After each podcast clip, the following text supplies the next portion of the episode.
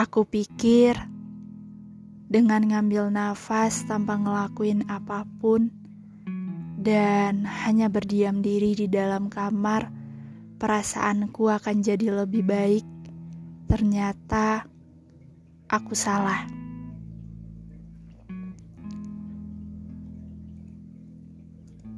Hai teman-teman, apa kabar? Kalau aku, kabarku baik, sangat baik. Sudah berapa kali teman-teman menangis hari ini?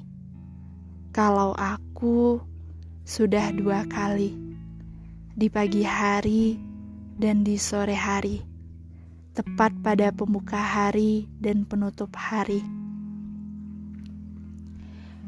Jika di pagi hari aku menangis karena marah dan kesal, maka di sore hari aku menangis karena merindukan seseorang. Dan benar saja, menangis membuat kita jadi lebih lega. Teman-teman, sebenarnya akhir-akhir ini aku sering ragu dan khawatir. Ragu terhadap langkah apa yang akan aku ambil, serta khawatir tentang bagaimana aku akan menghadapinya. Setiap berada di fase-fase yang kurang mengenakan, biasanya aku akan mengurung diri di dalam kamar tanpa melakukan apa pun.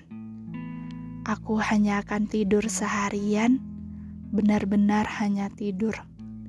Tapi akhir-akhir ini aku menyadari sesuatu bahwa dengan mengurung diri malah bikin aku lebih tertekan belum lagi dengan rencana yang terpaksa batal, pekerjaan yang terpaksa ditunda, sehingga tugas semakin menumpuk dan malah semakin menjadi beban.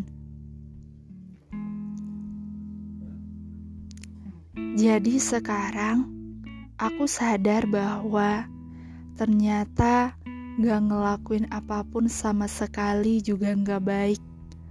Untuk itu, teman-teman, aku mau bilang kalau apa pun yang terjadi pada diri kita, baik itu kesedihan atau kesenangan, sebenarnya kita nggak boleh terlalu larut.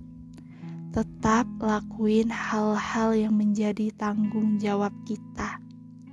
Kedengarannya berat banget, tapi tanpa kita sadari, seberat apa pun kita untuk bangun ketika kita memilih untuk tetap melakukan aktivitas sehari-hari tanpa kita minta kesembuhan akan menghampiri. Diam-diam, kelegaan akan menyelinap dalam diri.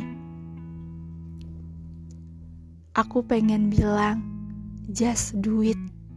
Di mana kita tetap ngelakuin hal yang menjadi tanggung jawab kita, walaupun dalam keadaan yang berantakan, kayak pergi ke sekolah, pergi ke kampus, pergi ke kantor, olahraga, baca buku, makan teratur, tidur teratur, bikin tugas, beribadah, dan aktivitas lainnya, walaupun dengan perasaan yang hancur lebur.